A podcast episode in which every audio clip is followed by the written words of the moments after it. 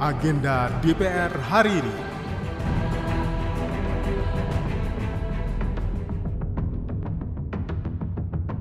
Halo apa kabar? Kembali lagi bersama saya Tiara Mustika di Agenda Kerja Wakil Rakyat hari ini, Senin 6 November 2023. Jam 10 pagi, Komisi 8 melaksanakan rapat kerja dengan Menteri Agama untuk membahas laporan keuangan pelaksanaan Haji 2023 dan kuota tambahan Haji 2024. Sementara Komisi 9 melaksanakan rapat kerja dengan Ketua Dewan Komisioner Lembaga Penjamin Simpanan atau LPS dengan acara konsultasi peraturan LPS mengenai Badan Supervisi LPS. Jam 1 siang, Komisi 7 melaksanakan rapat dengar pendapat dengan PLT Direktur Jenderal Mineral dan Batubara Kementerian ESDM RI dengan agenda acara Tindak Lanjut Rencana Kerja dan Anggaran Biaya atau RKAB 2023 dan 2024, laporan mekanisme RKAB, dan lain-lain.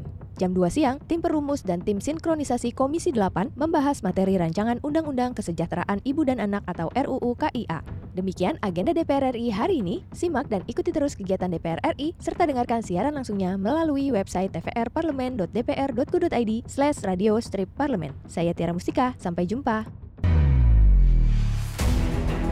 Agenda DPR hari ini.